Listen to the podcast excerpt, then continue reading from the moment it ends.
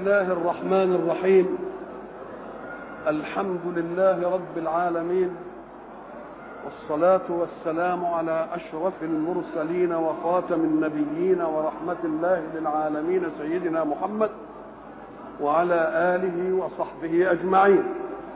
وبعد فقد وقفنا في اللقاء السابق مع خواطرنا عند قول الحق سبحانه أعوذ بالله من الشيطان الرجيم.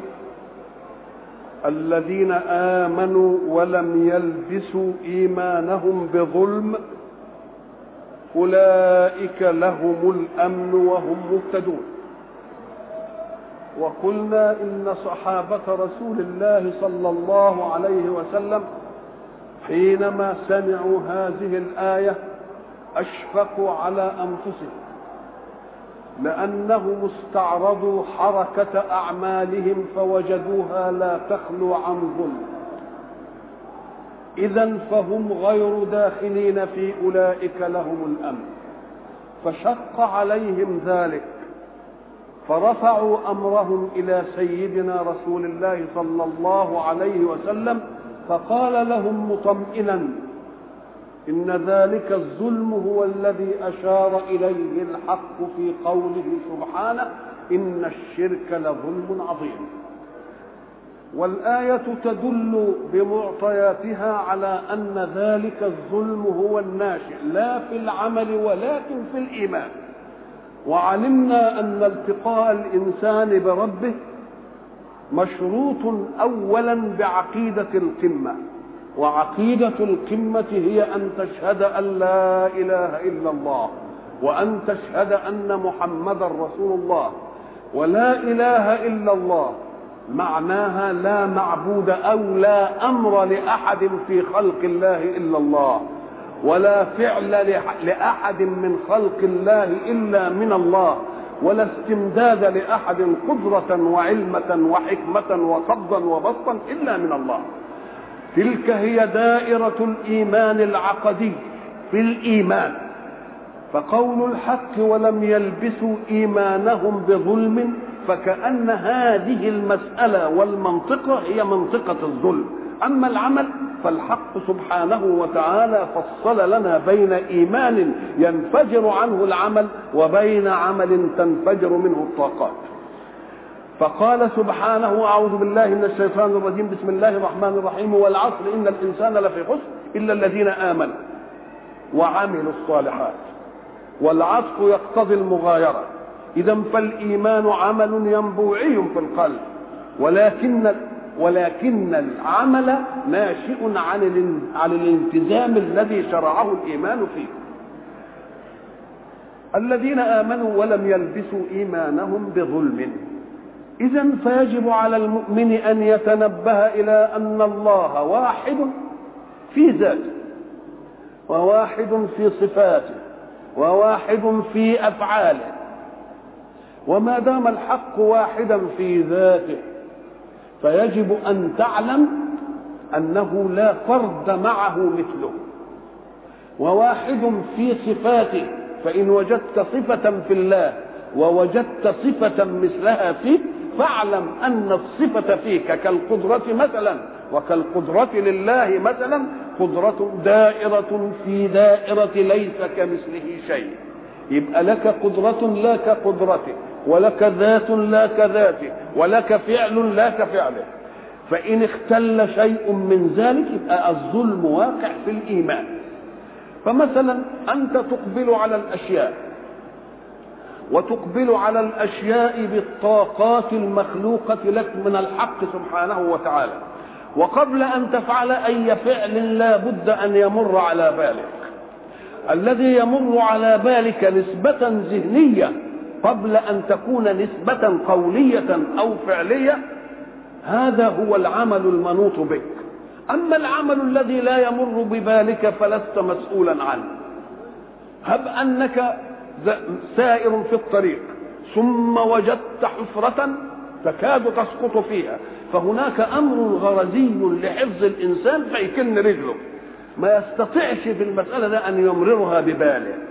لأنه على ما يمررها بباله لينشئ امرا للحركة تكون المسألة وقعت انتهت. اذا فتلك أعمال نسميها الأعمال الاضطرارية أو الغريزية أو القسريه ولذلك رسول الله صلى الله عليه وسلم قال كل أمر ذي بال لا يبدأ ببسم الله فهو أبتر أو اقطع أو اذى ذي بال يعني إيه ذي بال؟ يعني كل أمر تفعله بعد أن يمر ببالك أن تفعله يجب أن تذكر فيه اسم الله.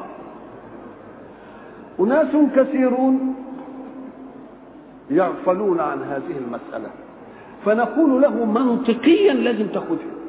ليه؟ أم قال لك لأن الفعل الذي لا يمر ببالك فعل أعطى الله غريزتك بدون أمر أن تفعله.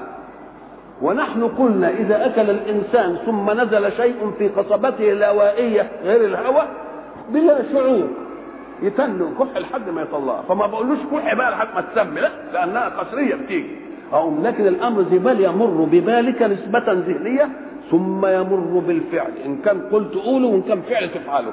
هو ده اللي مطلوب منك أن تسمي بالله. أما الفعل الغرضي فالله أوكل غريزتك بما يحفظ حياتك.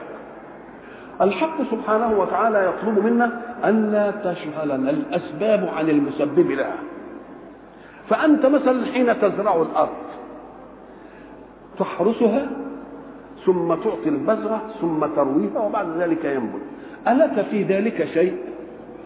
إنك لك تجميع فعل. البذره مخلوقه لله والتربة اللي وضعتها في الأرض مخلوقه لله والعناصر الموجودة في الأرض لتغذي البذرة مخصوصة لله والخاصية الموجودة في البذرة لتمتص شيئا يربي جزيرها ثم تنفلق الحبة كل دي مالكش فيها أبدا. ولكن الله احترم فعلك فقط فقال أفرأيتم ما تحرسون؟ بس. أأنتم تزرعونه أم نحن الزارعون؟ يبقى إذا ما دام يبقى من من مخصصات الإيمان أنك حين تقبل على أي شيء ذي بال أن لا تنسى من سخر لك هذا. ليس في قدرتك أن يفعل لك. فإذا ما فعلت ذلك يبقى نسبت الأمر لك. نحن في قوانيننا الوضعية. ساعة يجلس القاضي. ليحكم بين الناس حكما. وفي سلطة تنفذه بيقول إيه وهو بيحكم. قبل ما يقول باسم الشعب أو باسم القانون. إذا الشعب أو القانون هو اللي أعطاك الفرصة لأن تحكم على هذا. ما هي القدرة التي جعلتك تحكم على الأشياء أن تنفعل لك؟ ما هي قدرتك؟ فتقول بسم الله الذي سخرك لي. إذا أنت تقبل على العمل باسم مين؟ بسم الله. فإذا أقبلت على عمل بغير ذلك تبقى أنت مفتاج لأنها مش في سلطتك ولا في قدرتك ولا أي حاجة. أمال اللي خلاها في سلطتك مين؟ الحق سبحانه وتعالى. فقل لها باسم الحق انفعل لي. باسم الحق يا ماء اروني باسم الحق يا طعام غزني. باسم الحق يا يا كساء اكسني لكن مش أنت اللي بتعمل. فإذا اللي يغفل عندي يبقى لبس إيمانه بإيه؟ يبقى لبس إيمانه بظلمه وإذا ما رأيت ثمرة من ثمارك إياك أن تقول كما قال قارون أوتيته على علم. لا اذكر وقل ما شاء الله هو ربنا اللي عمل ولذلك لما قال أوتيته على علم طيب ما دام أنت أوتيته على علم المنطق يقول لك واحتفظ به بالعلم. فخسفنا به وبداره الأرض. أين ذهب علمك الذي جئت به؟ لا. يبقى إذا الشيء اللي ما قدرش يصل لك ما معك يبقى هو ما جابوش إذا فكل أمر من الأمور يجب أن تنسبه لله. فإن اختل شيء فيك من هذه المسألة فاعلم أنك لبست إيمانك بظلم. الحق سبحانه وتعالى يطلب منا ذلك لماذا حتى تكون النعمة إقبالا عليها أو انتفاعا بها مبروكة الوصلة بك. يعني لا ينشأ من العمل الذي تعمله مبتدئا ببسم الله إلا ما يعينك على طاعة ويعينك على بر ويعينك على خير ولا تصرفه إلا في عافية. وبعد ذلك مجتمع هذه الأشياء في كل حركاتك وأعمالك يؤهلك إلى أن تأخذ أمنا آخر أجمع من ذلك الأمن. بعد أمن الدنيا في هذه المسائل تأخذ أمن الآخرة بأن تدخل الجنة إذا أولئك لهم الأمن أي الذين لم يلبسوا إيمانهم بظلم والحق سبحانه وتعالى يريد منا أن نتصل دائما به ليه؟ لماذا؟ قال لك لأن الله سبحانه وتعالى إمداداته مستمرة ورحماته وتجلياته لا تنقطع عن خلقه أبدا لأنه قيوم. ومعنى قيوم مش قائم على الأمر ده مبالغ في القيام بالأمر. زي ما قلنا مرة بيقول لنا نام ارتاح لأنني ما بنامش. يبقى قيوم. يبقى ما دام الأمر كذلك فكن دائما في صحبة القيوم. ما دمت في صحبة القيوم يتجلى القيوم عليك بصفات حفظه وصفات قدرته وصفات علمه وصفاته وصفات حكمته. لذلك يقول الحق سبحانه وتعالى في حديثه القدسي رغبة منه أن يتصل عبده به دائما من أحدث ولم يتوضأ فقد جفاني. طب ما دام هو مش عايز يصلي يا رب أم قال لك لا أنا عايز يبقى موصول بيا ولو في غير وقت الصلاة. من أحدث ولم يتوضأ فقد جفاني. طيب ومن توضأ ولم يصلي ركعتين كده سنة الوضوء فقد جفاني. ومن صلى ولم يدعني فقد جفاني. ومن دعاني فلم أجبه فقد جفوته. ولست برب جاف الله. إذا الحق سبحانه وتعالى يريد منا أن نتصل به إيه؟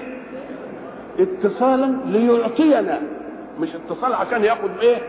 لأن إحنا قلنا الفرق بين العبودية البشر للبشر أن العبد للبشر البشر يأخذ خير عبده. ولكن عبوديتنا لله تعطينا خير ذلك السيد نأخذ منه. كل ما ازددنا في عبودية نأخذ منه. إذا فالحق دائما يريد أن يصلنا أن يصلنا به. أولئك لهم الأمن. الأمن في الدنيا. والأمن بمجموع ما كان في الدنيا إلى الأمن في الآخرة. لقائل أن يقول هناك أناس لا يسمون باسم الله ولا يخطر الله على بالهم ويتحركون في في طاقات الأرض ومادتها وينعمون بها ويسعدون وقد يسعدون بابتكاراتهم سواهم. نقول له نعم هذا صح لأن فيه فرق بين عطاء الفعل والبركة في عطاء الفعل. ادي الفرق في الاثنين. إذا زرع الكافر برضه الأرض بتديله عمل أي حاجة الأرض بتديله. فتديله العطاء. إنما ما تديلوش البركة في العطاء. إيه البركة في العطاء؟ أم قال لك لأن البركة في العطاء أن أن يكون ما أخذته من هذا العطاء لا يعينك على طاعة لا يعينك على معصية بل دائما يعينك على طاعة. وإحنا نشوف الناس اللي بالشكل ده أذهبتم طيباتكم في حياتكم الدنيا وإيه؟ واستمتعتم بها. فإياك أن تغر تقول هم لا بيسمم ولا بيعملوا ولا يقول له آه هم واخدين طيبات حياة الدنيا إنما في الآخرة ما لهمش أي حاجة. وأيضا فإنك تنظر إليهم تجد كل مرتقيات حضارتهم وطموحات أبحاثهم واكتشافاتهم جاية دائما في الشر كلها جاية في الشر ما شفتش ابدا ابتكارا لما استعملوه في إيه؟ ما استعملوه في الشر إلى أن يأذن الله في فيشغلهم عن أشيائهم بما يصب عليهم من العذاب وبالنكبات. اذا أولئك لهم الأمن أي في جزئيات أعمالهم والأمن المتجمع من أمنهم في جزئيات أعمالهم يعطي لهم الأمن في الجنة. أولئك لهم الأمن وهم مهتدون. وهم مهتدون. إحنا قلنا الهدايه هي الطريق الذي يوصل إلى الغاية. وإحنا قلنا إن علشان تعرف الهداية لازم تشوف الغاية الأول. ليه؟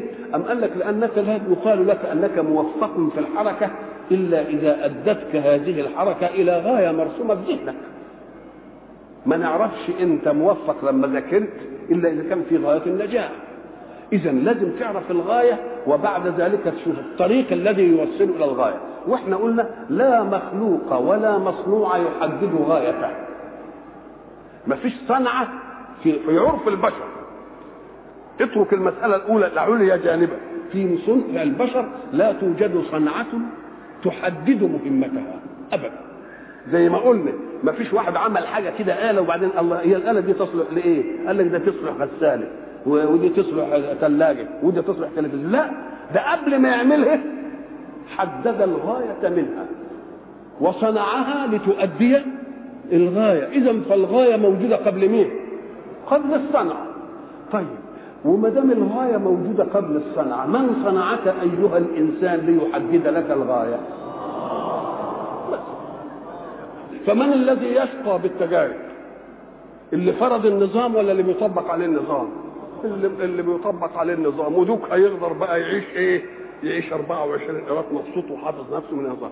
لكن الابتكارات العلمية المادية المعملية اللي نشأ من التفاعل مع المادة الذي يشقى بالتجربة أولا هو العالم. وأنت لا تعلم التجربة إلا بعد إيه؟ بعد ما تنتهي وتبقى كويسة. لو عرفت أي اختراع من الاختراعات دي كم شقي بها العلماء في معاملهم وكم تعبوا إنما أنت ما دريتش إنما أنت بعدين خدتها إيه؟ زي ما يقولوا بيضة مع الشر إذا فالمسائل النظرية التي تتعب العالم ليه؟ لأنها مش مربوطة أولا بالماديات المقننة ومش مربوطة بمعرفة الغاية ولا بمعرفة الوسيلة لهذه الغاية. يبقى المبتدئ هو من المبتدئ هو من يعرف الغاية التي يسعى إليها والوسيلة التي تؤهله إلى هذه الغاية. وإذا حصل له عطب في ملكات نفسه يرد العطب إلى من صنع هذه الملكات يقول ربنا قال في دي إيه يقول لي اعمل كذا واعمل كذا. ولو ردوه إلى الإيه؟ إلى الله وإلى لعلمه الذين إيه؟ يستنبطونه من نرد الحاجة زي الآلة ما تزرجن بوديها للمهندس بتاعها. وأنا قال في الملكات بتاعتي زرجنت أشوف إيه؟ اللي اختل فيه. أروح له. أولئك لهم الأمن وهم إيه؟ وهم مهتدون. ولذلك كثير من الشعراء يقعد يلخبط. يقول لك إيه؟ ألا من يريني غايتي قبل مذهبي؟ بيقول يا ريت واحد يوريني الغاية إيه؟ قبل الطريق. ومن أين والغايات بعد المذاهب؟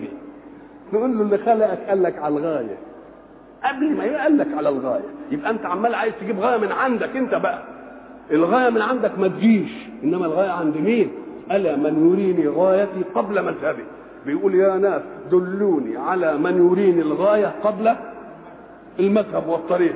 نقول له يا أخي ربنا قال لك كده. بس أنت عايزها من عندك وعندك ما إيه وعندك ما تنفعش. أولئك لهم الأمن وهم إيه؟ وهم مهتدون. وتلك حجتنا تلك حجتنا الحجة هي البرهان القائم لإثبات القضية المطلوب إثباتها. هي الحجة. الحجة إيه؟ الحجج اللي مشيت دي كلها.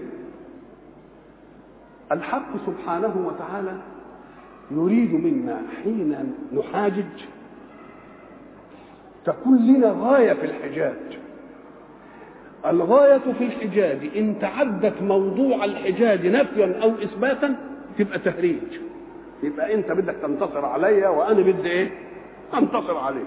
نقول له لا في الحجاج لازم نجعل الغاية الأصيلة هي الإيه؟ هي الأساس.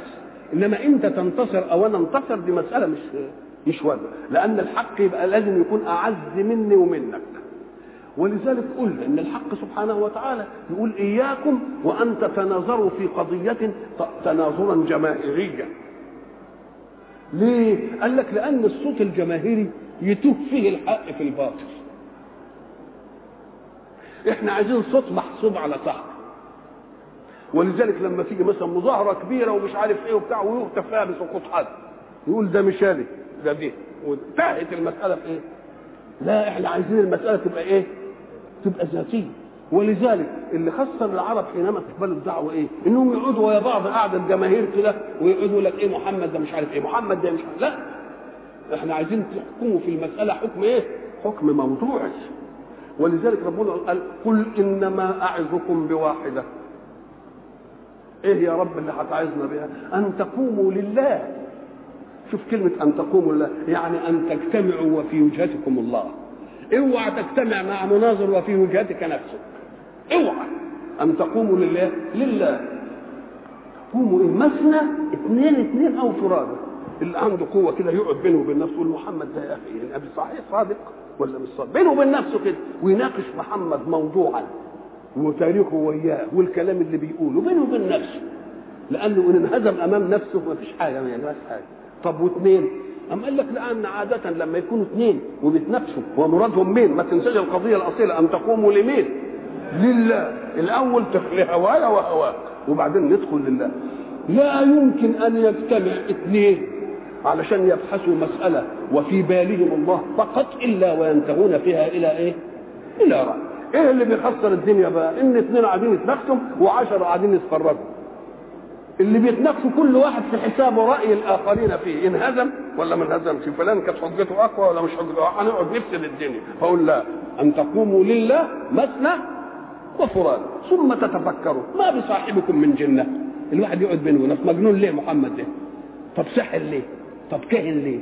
يقعد بينه وبين نفسه. إنما شغل جماهيري ما إيه؟ ما تنفعش الايه القضية. وتلك حجتنا آتيناها إبراهيم على قومه. أول قومه أبوه. تعبد ما لا ينفع ولا يضر يا شيخ يا شيخ. حق. طيب. وبعدين يجي للقوم في جمهرة يقول إيه؟ وجه الكوكب وجه القمر وجه الايه وجه الشمس. حجج عمال بيقنعهم إيه؟ آتينا. وبعد ذلك الحجة على الكبير بتاعهم اللي هو الملك أو السلطان الجبار اللي هو الايه النمروز. لما حب ينظره ربنا اداله الحجه قال له إيه؟ إن الله يحيي قال له أنا إيه؟ أنا أحيي وأميت. إبراهيم لقى المسألة. هتدخل في جدل بيزنطي هيقولوا لا أنا أحكم على ده بالاعدام وبعدين أعفى عنه. تقوم تقول له الله ده أنت ما أعدام ما موتش عشان أقول لك إنك أحييت. وهب أنك قتلت. طب هو المجرم بيقتل. المجرم بيقتل. إنما المهم بعد ما قتلت تحييه إنما هندخل في جدل. فسيدنا إبراهيم بقى علشان بيعلمنا أنك إذا رأيت خصمك يدخل فيما لا يمكن أن ينتهي فيه جدل انقله إلى حتة إيه؟ آه يسموه خده في احبسه في, في الكر خليه ما يقدرش قال له هتدخل في الجدل دي بتقول أنا احكم بالاعدام وبعدين أعفي. ثم من قال أنك تحيي وتميت؟ أنت بتقول تقتل. ما القتل غير الموت. الشاطر في انه يموت يقعد بعيد كده اهو يقول أنا عايز فلان ده هو يموت. إنما اضربه بسيف طب ما انتهت ما انت هدمت البنية. وما دام هدمت البنية ما خلاص. ولذلك يجب أن تفرق بين إزهاق روح بنقض البنية وبين إزهاق روح لا بنقض البنية. الذي يصنعه الله أن يزهق الروح بدون نقض البنية. ولا حد يجي ناحيته. إنما واحد ما هو أي صعلوك يجيب خبطة ويضربنا على دماغي يموتني نقول هو موتني لا نقول قتلني. نقول إيه؟ قتلني. يعني إزهاق روحي. نشأ بنقض إيه؟ بنقض بنيتي. وبنيتي الروح لا تقوم إلا في بنية سليمة. فلما هدم البنية الروح ما جاتش. إنما ما موتنيش. موتني يقعد كده يقول أنا عايز الجدع ده يموت. بس. أدي الشطارة.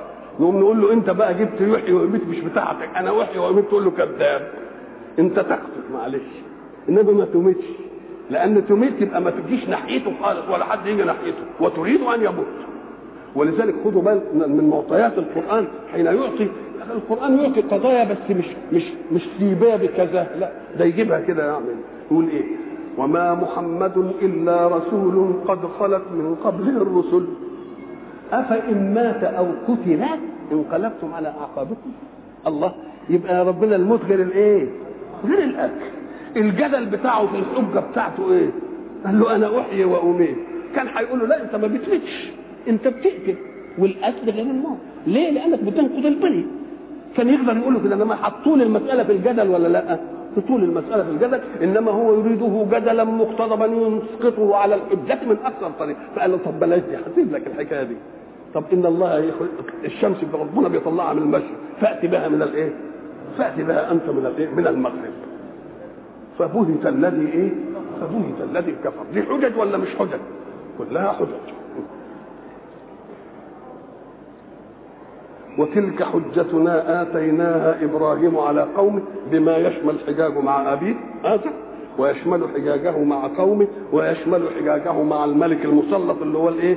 النمرود نرفع درجات من نشاء ما دام الله أعطى إبراهيم الحجة على قومه في إعطاء الحجة عليه وإعطاء الحجة له. أعطى الحجة على قومه يعني إيه؟ يعني كانت له هو عليهم تبقى الدائرة زي ما بنقول له وعليه. له وعليه. نرفع درجات من نشاء. لأن لأن إقامة الحجة على الغير انتصار لك. والانتصار لك رفع لدرجة موضوعك ذاتيا ورفع لموضوع عملك. نرفع درجات إيه من نشاء. إن ربك حكيم عليم. لأن عادة لما يجي يقول من نشاء يقول الحكاية بقى اللي عايزه يعمله. قال لك لا إنما هو لا يشاء إلا عن حكمة ولا يشاء إلا عن إيه؟ إلا عن علم. لأن إذا أطلقت المشيئة لواحد يفعل الفعل بدون حكمة وبدون إيه؟ وبدون علم. أنا رغم أنني أفعل ما أشاء وأرفع درجات من اشاء إلا أن ذلك مترتب على إيه؟ على حكمة وعلى وعلى يبقى المشيئة المطلقة هنا لصالح مين؟ لصالح. ليه المشيئة المطلقة عند الحق لصالح الخلق؟ ليه؟ لأن مشيئة مبنية لا على هوى ولا على نفع من المراد. لأن الله بكل صفات كماله جلالا وجمالا موجود قبل أن يخلق الخلق. إذا خلق الخلق والعملية بتعمل. لا تزيد في ملك الله ونعصم لا تنقص من ملك الإيه؟ يبقى ده عمل مبرر عن الغاية. ما فيش غاية أبدا. يبقى كله ماشي عن إيه؟ عن علم وعن وعن حكمة. ولكن قد تفوت الحكمة عن بعض الخلق. ولكن الله حين يجري امرا على خلقه ثم يقبلونه وإن لم يعلموا علته يريهم الله الحكمة في الفعل الذي كان غير مقبولا عندهم تقول يا سلام أنا كنت خايف من الحكاية دي. شوف طلع ما فيش أحسن إيه؟ مفيش أحسن منها ليه؟ لأن الله سبحانه وتعالى لما خلق الخلق ويعلم أن للخلق أهواء ومرادات. لو إن الحق سبحانه وتعالى أعطى كل مخلوق مراده لأعطاه مراده على حساب غيره. يبقى إن نفع واحد يعمل إيه؟ يتعب الآخر. وما دام أنت قبلت إن أنا أديك مرادك على حساب غيرك طب ما تسمح لي برضه إن أنا أعطي الآخرين مراداتهم على حسابك تبقى مين اللي هيخسر بقى؟ هيعطي واحد على قد مراده وبعدين يعطي الجميع مراداتهم على قد يبقى مين اللي تعبان؟ يبقى من الحق إننا اعلم إنها إيه؟ حكمة لا تعطي مراد أحد إلا مراد أحد وبعد ذلك لو أن ربنا عايز إن كل اللي أنا عايزه ينفذه لي أقول له أخي أنت عايز ربنا موظف عندك ده ربنا ما كانش عامل كنترول عليك يقول لك انت طلبت الطلب ده واحمق فيه لأن الطلب ده هيضايقك هيتعبك. مش هيبقى كويس في صالحك. فمن الخير لك ان أنا أعمل إيه؟ ان أنا أحجز الطلب عنك ولذلك ويدعو الإنسان بالشر دعاءه بالخير. يا رب اعمل لي كده يا رب اعمل لي كده يا رب أنت بتدعي على إنه خير. خير في عرفك لأنك علمك قاصر ويمكن هو ده الإيه؟ هو ده الشر. وكان الإنسان عجولا يقول ساريكم آياتي فلا تستعجلون وبعدين تقول يا سلام اللي أنا كنت زعلان منه شوف طلع منه إيه واللي أنا كنت فرحان بيه شوف طلع منه. آه يبقى اذا لازم ربنا يعمل كنترول على مرادات الخلق. كنترول على مرادات الخلق. الكويس ما فيش مانع. اللي مش كده يقول له لا ما أنتش فاهم. أنا أنت مش طالب الخير؟ يقول له أنا طالب. أهو الخير في ان ما اديكش دي وبعدين هو يفتكر إن هو إيه ربنا مش راضي عنه لأنه ما أدكش الايه ما أدكش مراده. نقول له يا عبيد ده هو عالم الخير عشان ما يديكش دي نعم. نرفع درجات من نشاء. إن ربك حكيم عليم. عادة كلمة رب لما ترد لازم تفهم منها معنى الخلق والتربية. ساعة تيجي كلمة الألوهية اعلم أنها التكليف. لأن الله يعني المعبود. معبود يعني إيه؟ مطاع إن أمر وإن الله. ولكن الرب قال لك خلق ورب. وتعهد واداك مقومات حياتك واعمل مش عارف إيه واعمل إيه واعمل إيه واعمل إيه واعمل إيه. تبقى اذا عطاء الربوبية شيء وعطاء الألوهية. عطاء الربوبية قلنا إنه ياخذ المؤمن والكافر والطائع والعاصي. لأن الله هو الذي استدعاه من الوجود. يبقى لازم الكل يسخر له. إنما عطاء الربوبية افعل كذا ولا تفعل كذا. وده يتدخل في منطقة الاختيار. فالذي يكفر بالله ويحسن الأسباب ياخذها واللي مؤمن بالله ولا يحسنش الأسباب ما يأخذهاش لأن دي عطاء مين؟ ده عطاء ربوبية. وبعد ذلك يأتي عطاء الألوهية مرتبة. فلما أقول ما دمت رب لهذا ورب لهذا ورب لهذا فبرضه أنا معطي الحكمة لهذا. هل الحق سبحانه وتعالى فرز الذين يؤمنون به. وفرز اللي بيكفروا به. وبعد ذلك جعل لذلك قانون صيانة في غرائزه. ولذلك قانون صيانة في غرائزه ابدا. كلهم إيه؟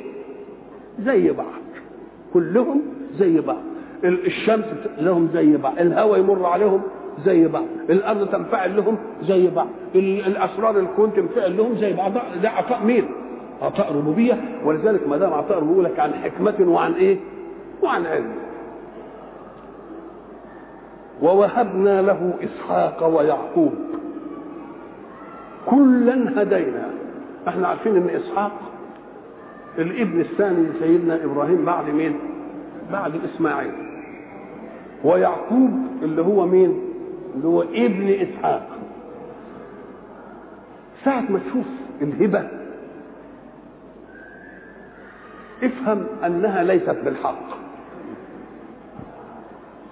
الهبة شيء والحق شيء آخر. الهبة إعطاء معط لمن لا يستحق. إنما لما تديله اللي يستحقه تبقى مش هبة بقت حق. الحق سبحانه وتعالى يقول إياكم أن تعتقدوا أن أحدا من خلقي له حق عندي إلا ما أجعله أنا حق له. إنما كل شيء إيه؟ هبة. وما دام كل شيء هبة قال لك امسكها في القمة الأولى وهي قمة السيادة الأولى في الكون للإنسان. أم قال لك الإنسان بيتكاثر وبيتكاثر فرع وجود ذكورة وأنوثة وبعدين يجوا الأولاد. قال لك إيه؟ أم قال لك إيه؟ لله ملك السماوات والأرض يخلق ما يشاء. يهب لمن يشاء إناثا ويهب لمن يشاء الذكور. باسم مجرد إنه خلق راجل وامرأة ويلتقوا ببعض يبقى إيه؟ جبريا أن يوجد. لا. يهب لمن يشاء اناثا ويهب لمن يشاء الذكور أو يزوجهم ذكرانا واناثا ويجعل من يشاء يبقى لو إن المسألة ميكانيكي كان ما دام وجد رجل وامرأة تيجي الايه؟ لا مش ميكانيكي يا اخويا يجابهم على الوانهم يهب لمن يشاء إناثا يهب لمن يشاء الذكور أو يزوجهم ذكرانا ويجعل من يشاء عقيما. يقوم اللي يفهم بقى في فهم الملكوت بقى يقول لك الله كلها هبة. يهب لمن يشاء إناثا ويهب لمن يشاء الذكور ويزوجهم ذكرانا وإناثا ويجعل من يشاء عقيما. اهو لو إحنا فهمنا بقى نجعل العقم ده هبة أيضا. العقم بس استقبلوا من الله على أنه هبه استقبلوا من الله على أنه إيه؟ هبه الذي يستقبله من الله على أنه هبه يقول له استقبله على أنه هبه هتشوف الهبه دي أوسع من الأولانية ولا اضيق ما دمت استقبلت الحكم ده ولا نظرتش إلى أبناء الغير لا بحقد ولا بحسد ها؟ ولا بإن دي شغلتك وده اوعى يجعل الله كل من تراه أبناء لك. بدون تعب في حمل أم أو ولادتها وبدون عناية رعاية منك طول عمرك. تلتفت تلاقي كده رضيت بأنك أنت عقيم يوم ربنا يعمل لك إيه؟ يخلي كل اللي بتشوفه دول مين؟ ولاد. تعال. طب يهب لمن يشاء إناثا. أم قال لك والله لو رضيت بهم وقلت ده رزق الله ومش عارف إيه وبتاع تلتفت بعد مدة بسيطة كده ربنا بعت لك للبنتين أو الثلاثة أو الأربعة خمس رجال. ويتجوزوا البنات ولا تعبت فيهم لم لا مراتك ولدتهم ولا انت وجم لك خمسة واطوعوا لك من ابائهم لأنك رضيت. يبقى لازم تاخد الهبة في كل إيه؟ الهبة في العطاء والهبة في الإيه؟ والهبة في المن. يهب لمن يشاء إناثا ويهب لمن يشاء الذكور أو يزوجهم ذكرانا وإناثا. فبيقول بقى أنا اللي بهب. أنا وهبت له إسحاق. طيب. ومن وراء إسحاق مين؟ يقول لك ده المسألة يجب إنك أنت تعرف إن الإنسان منا آه يعلم بواقع اقضيه الكون إنه ميت. كلنا عارفين إننا هنموت. يقوم الإنسان لما يكبر حبه للحياة يعمل إيه؟ نفسه يجي له ولد إيه؟ يصل اسمه بالحياة. قال يبقى زعلان قوي. طب لما يجي لك ولد يصل اسمه يبقى ضمنت حياتك جيل طب وان جالك حفيد. يبقى ضمنت نفسك كمان جيل. اذا كل ما تكثر بيديك الإيه؟ إنما فيه فرق بين مطلوبها إن المال والبنون زينة الحياة الدنيا والباقيات الصالحات خير من ذلك. هؤلاء يجعلونها لصالح الدين. أنت بتجعل الطلب ده من الناس لصالح إيه؟ البقاء الذكر في الدنيا. ذكر في الدنيا إيه؟ وهتتمرمط في الآخرة. دنيا إيه؟ إيه الك... إيه ال... إيه الك... أنت تشوف اللي هناك اللي هناك بقى إيه؟ قال له هب لي من لدنك وليا يرثني ويرث من آل يعقوب واجعله رب رضيا يبقى تمنوا الولد أو الحفيد عشان إيه؟ عشان يحمل منطق الخير في الناس. يبقى غرضهم إيه؟ فربنا امتنوا على أنا مش اديتك إسحاق بس. ده أنا هجيب لك مين؟ يعقوب كمان. وكلا إيه يعقوب كلا هدينا. شوف كلا هدينا ونوحا هدينا من قبل. يعني هدايتنا مش مبتدئة بدول ده نوحا هدينا إيه؟ من قبل. ومن ذريته داود وسليمان. خلاص؟ وأيوب ويوسف وموسى وهارون. وكذلك نجزي المحسنين. طيب. وزكريا ويحيى وعيسى وإلياس كل من الصالحين. نشوف التنفيسات. مش جابهم ال 18 كده يعني راس. لا. جعلها تقاسيم. والتقاسيم لها حكمة. طيب. وإسماعيل واليسع ويونس ولوط وكلا فضلنا على العالمين. بس هم دول يا رب قال لك لا من آبائهم وذرياتهم وإخوانهم وبتاع في حاجات كتير. بس أنا جبت الإيه؟ نقول التنفيسات دي إيه؟ إسحاق ويعقوب وبعدين ومن ذريته وكلا هدينا ونوحا هدينا من قبل ومن ذريته داود قال لك لأنك أنت لو نظرت إلى هؤلاء دول 18 المذكورين هنا 18 ولذلك بيقولوا إيه؟ في أسماء الرسل اللي هم 25 اللي ربنا قصهم علينا كام؟ 25 يوم يقول لك الناس عشان يضبطوا النظم يقول لك إيه؟ في تلك حجة منهم ثمانية من بعد عشر يبقى في تلك حجتنا الآية دي فيها كام؟ واحد 18 في تلك حجتنا منهم ثمانية من بعد عشر ويبقى سبعة عشان يبقوا 25 وهم إدريس هود شعيب صالح وكذا ذو الكفل آدم بالمختار قد ختموا يبقى دول السبعة يطلعوا الإية الخمسة. فإذا أطول آية فيها قسم من الرسل اللي هي تلك الإيه؟ الآية. في تلك حجته الحق سبحانه وتعالى لم يجعل من الأنبياء الملوك إلا اثنين. سليمان وداود حتى يعطينا فكرة أن الله إذا أراد أن يقهر خلقا على شيء ما حدش يرضى عليه. لما بقى ملك ما حدش قدر ليه؟ لأنه معه القدرة. إنما هو ربنا عايز بالقوة والخوف والسلطان والرهبوت. ده عايزها بالاختيار. ولذلك جعل الأنبياء مش ملوك. النبي عليه الصلاة والسلام أنا خيرت بين أن أكون نبي وملك فرضيت أن أكون إيه؟ نبي بس. ملك يعمل إيه؟ لأن الملك هيجي بسلطان وبما له يمكن إيه؟ يفرض. طيب. فسليمان وداود اللي عايز إيه؟ القدرة. وعايز سعة الملك. والسلطان يقول أدي سليمان وأدي داود. طيب. داود وسليمان. طب وأيوب؟ قال لك أيوب ده خد زاويه من الزوايا اللي كل كل نبي فيه قدر مجتمع في الأنبياء مشترك وفيه دمية شخص. سليمان وداود خدوا الملك مع النبوة. أيوب يعني خد الايه خد الابتلاء والصبر على البلاء. خد الميزه كلهم برضه بيصبروا إنما ده جابوا نموذج في إيه؟ في الصبر والبلاء. طيب أدي أيوب. طب ويوسف؟ أم قال لك في الاثنين. خدها بلاء الأول وبعدين خدها ملك وسلطان فين؟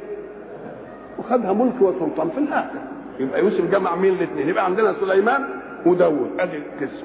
وبعدين عندنا أيوب خدها في البلاء والإيه؟ ادي وبعدين يوسف خدها في مين؟ أحسن ربما يقول لك ده ما يمكنش تجتمع دي ودي. واحد خد القدرة والسلطان والمش عارف إيه وبتاع وواحد خدها في إيه؟ اللي خدها في القدرة والسلطان وواحد خدها في البلاء. يعني ياخد لا واحد يصح يجتمعوا فيه. فاجتمعوا في مين؟ اجتمعوا في في يوسف. طيب. وموسى وهارون. موسى وهارون بقى شهرة شهرة الاتباع. ولذلك ما نعرفش نكاد لا نعرف من الأديان إلا اليهودية والمين؟ والمسيحية. والآيات البينات وأولي العزم من الرسل والعملية الطويلة العريضة دي. طيب يا سيدي. موسى وهارون. وكذلك نجزي المحسنين. وزكريا ويحيى وعيسى وإلياس. دول بقى الزهاد اللي في الأنبياء. خدوا ملكة الإيه؟ خدوا ملكة الإيه؟ الزهد. طيب. وإسماعيل واليسع ويونس ولوط خدوا زهوة حياتهم ولا لهمش أتباع لحد دلوقتي. إلا ما كان تبعا من ناحية نبي يجتمعان فيه. الله اذا زوايا متعددة ولا لأ؟ زوايا متعددة. ولذلك هيجي لنا بقى سيدنا رسول الله بعدين عشان تعرفوا بقى المنزلة في انه هو فبهداه مقتدي تعرف منزلة نبيك عليه الصلاة والسلام. هنا بقى حتة ومن ذريته داود وسليمان وأيوب ويوسف وموسى وهارون وزكريا ويحيى وعيسى. كلمة عيسى دي لما وقفوا عنده دخل في ذريته قال لك ومن ذرية يا أخوة ده مش من ذرية حد.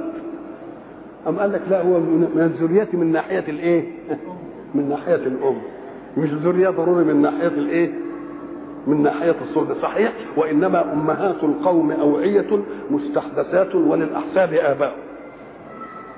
إنما لأن العنصر البشري في عيسى ما فيش إلا مين؟ إلا فيش إلا تبقى من الذريات. ولذلك هذه المسألة التي احتج بها أبو جعفر مثل محمد الباقر أمام الحجاج. قال له أنتم تدعون أنكم من ال رسول الله ومن نسل رسول الله ومش عارف إيه؟ مع أن رسول الله ما جابش ولا النسب يعني مقطوع. قال له كأنك لم تقرأ القرآن. قال له أي شيء في القرآن؟ اقرأ. ومن ذريته إلى أن تقرأ وعيسى. عيسى من ذرية نوح. من أي؟ من أب أم من أم؟ قال له من أم. يبقى يبقى إحنا من ذرية محمد ولا مش من ذريته؟ يعني من ذريته. نعم. ذلك هدى الله. ذلك إحنا قلنا إن ساعة ما تسمع كلمة ذلك اعرف إنها حاجتين اتنين. ذا والكاف للخطاب. ومرة تقولها ذاك ومرة تجيب في وسطهم لام وتقول ذلك. يبقى إن قلت ذاك إن قلت ذا لوحدها تبقى كلمة إشارة. وإن قلت الكاف لوحدها لكاك يبقى خطاب. إن جبت ذا والكاف يبقى إشارة وخطاب إن قلت ذلك وجبت اللام في وسطهم يبقى فيه بعد. يبقى لما تشير لحاجة قريبة شوف اللغة. لما تشير لحاجة تقول تقول له ذا هذا. إن أردت يعني تبقى شوية بعيد شوية تقول له ذاك. وإن أردت إنه بعيد قوي تقول ذلك. كل درجة لها إيه؟ لها خيار.